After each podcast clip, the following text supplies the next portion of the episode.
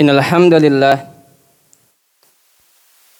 نحمده ونستعينه ونستهديه ونتوب إليه. ونشهد أن لا إله إلا الله وحده لا شريك له. ونشهد أن محمدا عبده ورسوله لا نبي ولا رسوله بعده. اللهم صلِّ وسلم على نبينا محمد وعلى آله وأصحابه ومن تبعهم بإحسان إلى يوم الدين. أوصيكم وإياي نفسي بتقوى الله. فقد فاز المؤمنون المتقون. فحيث قال الله تعالى في كتابه بعد أن أعوذ بالله من الشيطان الرجيم. بسم الله الرحمن الرحيم يا أيها الذين آمنوا اتقوا الله اتقوا الله حق تقاته ولا تموتن إلا وأنتم مسلمون وقال يا أيها الناس اتقوا ربكم الذي خلقكم من نفس واحدة وخلق منها زوجها وبث منهما رجالا كثيرا ونساء واتقوا الله الذي تساءلون به والارحام ان الله كان عليكم رقيبا وقال يا ايها الذين امنوا اتقوا الله وقولوا قولا سديدا يصلح لكم اعمالكم ويغفر لكم ذنوبكم ومن يطع الله ورسوله فقد فاز فوزا عظيما. فإن أصدق الحديث كتاب الله وخير الهدى هدى محمد صلى الله عليه وسلم وشر الأمور محدثاتها وكل محدثة في الدين بدعة وكل بدعة ضلالة wa kulla dhalalatin finnar. A'adani Allah wa iyyakum minan nar. Jamaah sidang Jumat, tamu mulia undangan Allah yang mudah-mudahan dirahmati oleh Allah Subhanahu wa taala. Alhamdulillah segala pujian terbaik hanyalah milik Allah Subhanahu wa taala. Yang pada kesempatan ini masih memberikan kepada kita sebuah karunia terindah dari berbagai macam nikmatnya yang ada. Berupa Allah masih tetapkan daripada nikmatnya iman di dada-dada kita. Di hati-hati kita. Di jiwa-jiwa kita. Sehingga dengannya Allah mudahkan kita pula untuk menjawab daripada seruan Allah kepada orang-orang yang beriman untuk melaksanakan sholat Jumat maka barang siapa mereka yang terpanggil hatinya, kita semua pasti bersiap-siap, berbondong-bondong, menyiapkan diri kita untuk datang ke tempat di mana kaum muslimin melaksanakan sholat Jumat. Salawat serta salam semoga tetap tercurah dan terlimpah kepada panglima tertinggi umat Islam, komandan umat Islam, yaitu Nabiullah Muhammad sallallahu alaihi wasallam Begitu juga kepada keluarganya, sahabat-sahabatnya, dan tentunya kepada kita semua yang sedang berikhtiar untuk berada di atas jalan yang telah Rasulullah Sallallahu Alaihi Wasallam retas ini. Jamaah sidang Jumat yang dirahmati oleh Allah Subhanahu Wa Taala, sebagaimana tubuh kita ini membutuhkan asupan-asupan gizi dari makanan-makanan yang sehat pun hati kita itu juga butuh asupan-asupan yang dengannya hati tersebut subur, hati tersebut tenang. Iman kita bertambah. Maka wasilah daripada sholat Jumat ini yang kita laksanakan setiap satu minggu sekali setelah kita satu minggu penuh mencari dunia, dunia, dunia bisnis kita, pekerjaan kita, urusan-urusan kita yang lainnya. Kita duduk di waktu Jumat ini untuk mendengarkan khutbah agar barangkali hati yang sudah gersang tersebut disirami oleh ayat-ayat Allah, petunjuk-petunjuk Allah, ilmu-ilmu dari Allah Subhanahu wa taala. Maka ketika Allah memanggil kaum muslimin, ya ayyuhalladzina amanu idza nudiya lis-salati min yaumil jum'ah. Itu hakikatnya bukan sekedar kita datang duduk di sini mendengarkan khutbah atau kadang-kadang kita tertidur mengantuk tapi yang Allah inginkan adalah fas'au ila zikrillah. Jumat ini menjadi sarana agar kita banyak-banyak mengingat Allah. Karena konsekuensi daripada zikrullah adalah ala bi zikrillah tatmainnul qulub. Hati kita tenang, Pak. Sehingga pintu-pintu untuk melakukan kemaksiatan, perbuatan keji, karena tenangnya hati ini Allah jauhkan. Maka ingat Bagaimana Rasulullah SAW memesankan kepada para sahabat ketika beliau telah naik di atas mimbar, wahai para sahabat, faman massal haso faqad lago. Barang siapa yang kalian masih memainkan-mainkan kerikil saat aku telah berada di atas mimbar. Karena memang pada saat itu pelataran Masjid Madinah masih tanah. Belum lantai ataupun karpet yang sangat begitu indah sebagaimana masjid-masjid kaum muslimin yang ada saat ini. Rasulullah mengibaratkan memberikan nasihat kepada para sahabat faman masal hasofakot lago. Hati-hati. Kalau misalkan ada di antara kalian yang memainkan kerikil saat aku naik di atas mimbar, fakot lago batal sholat Jumatnya. Kalau misalkan kita kiaskan keadaan tersebut pada saat ini barangkali tidak ada, Pak. Tapi kalau misalkan kita kiaskan dengan aktivitas-aktivitas lagun lainnya saat khutbah Jumat dilaksanakan, kita masih sibuk dengan handphone kita. Atau barangkali kita memainkan sajadah kita. Atau barangkali kita masih asik mengobrol dan lain sebagainya. Maka ini tentu adalah lebih lagun daripada hanya sekedar memainkan-memainkan kerikil. Maka mari kita jaga kualitas pahala kesempurnaan Jumat yang akan Allah berikan dengan menjaga adab-adabnya. Karena sungguh sarana sholat Jum'ah ini juga ditujukan agar takwa kita ini naik. Karena kita tahu bahwa bekal satu-satunya yang akan kita bawa di hadapan Allah bukan mobil kita, bukan apartemen kita, bukan kantor kita, tapi hanya ketakwaan amal ibadah. Ini yang akan kita bawa ke hadirat Allah Subhanahu wa taala.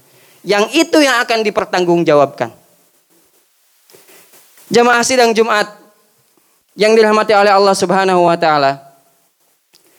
Seperti tema yang telah barangkali ditayangkan bahwa tema khutbah Jumat pada hari ini adalah hakikat daripada suratul mustaqim.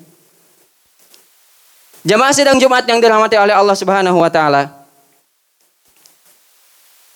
Kita memiliki satu doa di mana doa tersebut selalu kita panjatkan kepada Allah pada setiap harinya. Doa tersebut adalah doa yang menjamin kita untuk tetap berada di atas kebaikan. Ya, doa tersebut adalah permintaan hidayah. Meminta petunjuk kepada Allah Subhanahu wa taala yang kita panjatkan satu hari minimal 17 kali dalam sholat-sholat kita. Ihdina siratal mustaqim. Ya Allah, tunjukkanlah kepada kami jalanmu yang lurus. Tapi sesungguhnya apa makna daripada ihdina siratal mustaqim tersebut? Karena memang dalam ayat lain juga Allah telah menjelaskan zalikal kitabul la raiba hudal lil muttaqin. Petunjuk itu hidayah itu yang dikatakan oleh Imam Ibn Taimiyah adalah al-Islam. Petunjuk itu adalah tauhid, meninggalkan perilaku-perilaku syirik Petunjuk itu adalah Al-Quran. Petunjuk itu adalah sunnah. Meninggalkan perilaku-perilaku yang menyeleweng atau bid'ah. Maka apa sesungguhnya daripada makna ihdina suratul mustaqim yang selalu kita minta tersebut kepada Allah. Maka kalau misalkan kita baca dalam beberapa pendapat-pendapat ulama tafsir, kita akan banyak mendapatkan bahwa makna ihdina suratul mustaqim itu adalah syaddidna wafiqna ala hada tariq. Ya Allah, kuatkanlah kami. Ya Allah, teguhkanlah kami Ya Allah, istiqomahkanlah kami untuk tetap berada di jalan yang engkau ridhoi yaitu al-Islam. Mengapa demikian jemaah sekalian? Karena sungguh potensi kita Pak sebagai seorang manusia untuk tergelincir di atas jalan iman, jalan Islam ini sangatlah besar sekali, Pak. Kita tahu bahwa iblis telah berjanji di hadapan Allah, "Qala rabbi bima la aqudanna mustaqim." Ya Allah, karena engkau telah mengecapku sebagai hambamu yang terlaknat selama-lamanya, izinkan aku untuk menggoda jalan-jalan manusia, jalan-jalan hambamu daripada jalanmu yang lurus. Dan juga Allah telah menitipkan di diri kita adalah nafsu. Sedangkan konsep daripada nafsu adalah inna nafsa la amaratun bisu. Sesungguhnya nafsu itu akan selalu mendorong manusia, menggoda manusia, mengajak manusia untuk melakukan perbuatan-perbuatan yang jelek, yang keji. Maka inilah kenapa kita harus meminta kepada Allah Subhanahu wa taala agar kita terlalu diberikan hidayah. Kita ditetapkan iman kita sampai kematian menjelang. Karena memang inilah yang membedakan moralitas kehidupan dalam Islam dengan moralitas-moralitas modern yang ada pada hari ini. Di mana dalam Islam kita mengenal sebuah konsep husnul khotimah atau innamal a'malu bil khawatim. Sesungguhnya seseorang itu dilihat baiknya bagaimana akhirnya. Lihat bagaimana Allah menggambarkan catatan-catatan kehidupan sejarah. Banyak manusia-manusia yang di awal kehidupannya diwarnai dengan kesolehan. Ternyata matinya dalam keadaan murtad. Sebutkan saja namanya adalah Bal'am bin Bauro. Bal'am bin Bauri adalah seorang manusia soleh yang hidup pada zaman Nabi Musa. Sampai-sampai Imam Al-Qurtubi mengatakan karena mujabud dakwah fi syadaik. Kalau Bal'am bin Bawra ini sudah mengangkat kedua tangannya ke atas langit dalam keadaan genting dan juga terdesak. Pasti akan Allah ijabah doanya. Tapi martinya dalam keadaan murtad. Ubaidillah bin Jahshi bertemu dengan Rasulullah SAW. Hijrah ke Habasah yang pertama hijrah ke Habasyah yang kedua, bersyahadat dengan Rasulullah SAW untuk menyelamatkan daripada kehidupan keimanannya maka Ubaidillah bin Jahsy ini adalah sahabat yang pernah hijrah ke Habasyah untuk meminta perlindungan Raja Najasyi pada saat itu. Namun kecintaannya terhadap Homer sehingga menjadikan dirinya murtad kembali kepada agamanya yang lama. Seorang muazin yang dikatakan oleh Imam Al-Qurtubi. Muazin itu adalah tugasnya memanggil manusia, orang-orang yang beriman untuk melaksanakan sholat. Sesaat dia akan naik ke tempat tertinggi. Karena memang pada zaman dulu muazin itu naik ke tempat tertinggi. Saat dia berada di atas, ingin mengumandangkan azan yang diceritakan oleh Imam Al-Qurtubi. Dia melihat sesosok perempuan yang sangat cantik jelita Pak. Yang sangat cantik jelita. Maka atas dorongan kelaki-lakiannya, muazin tersebut turun Pak. Turun Lantas mengatakan kepada wanita tersebut, "Wahai wanita, aku cinta kepada kamu."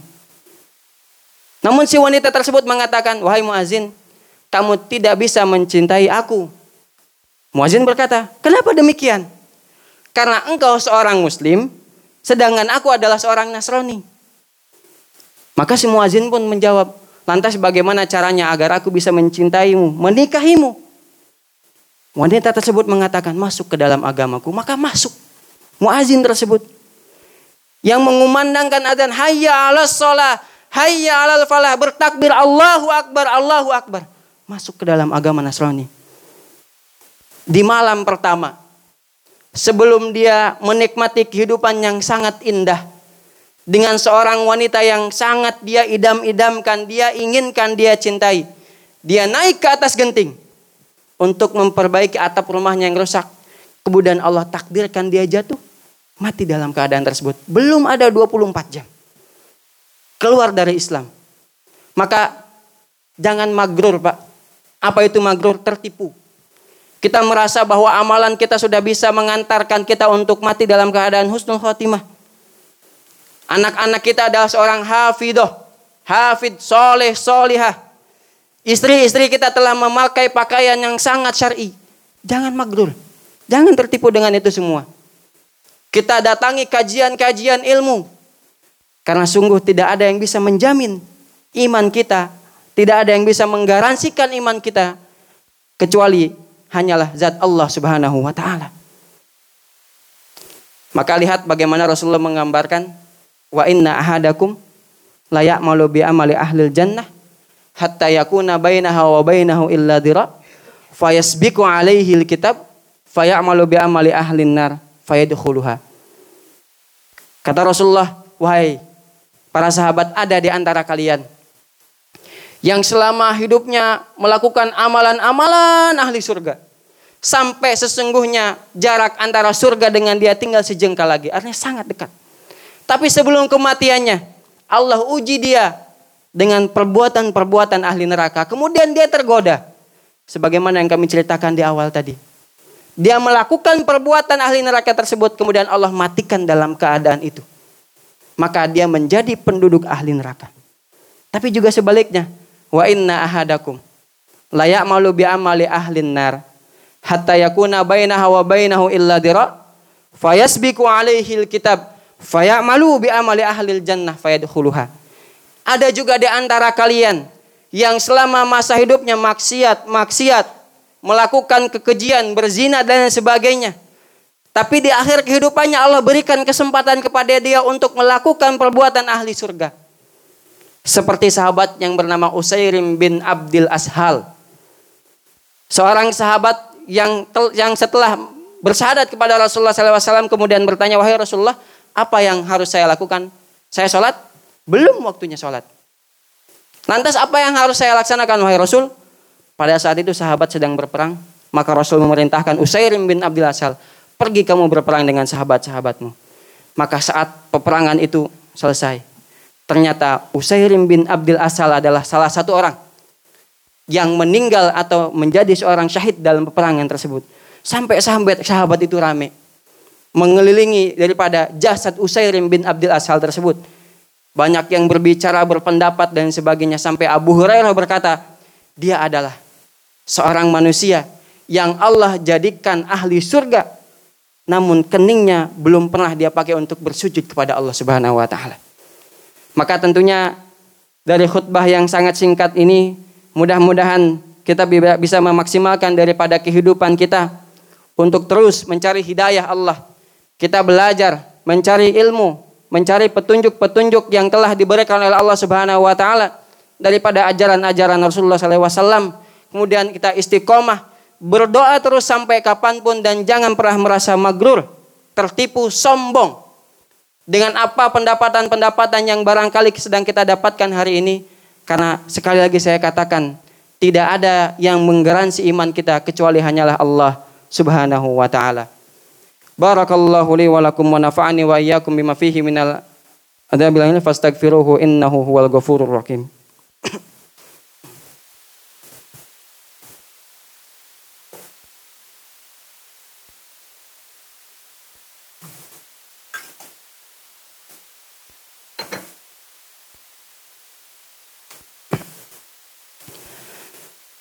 Alhamdulillahi rabbil alamin. Wa bihi nasta'inu ala umuri dunya wad din. Wassalatu wassalamu ala khairil anbiya'i wal mursalin wa ala alihi wa ashabihi wa sallam. Allahumma salli wa sallim ala nabiyyina Muhammad wa ala alihi wa man tabi'ahum bi ihsanin ila yaumiddin. Wa qala Allah ta'ala wa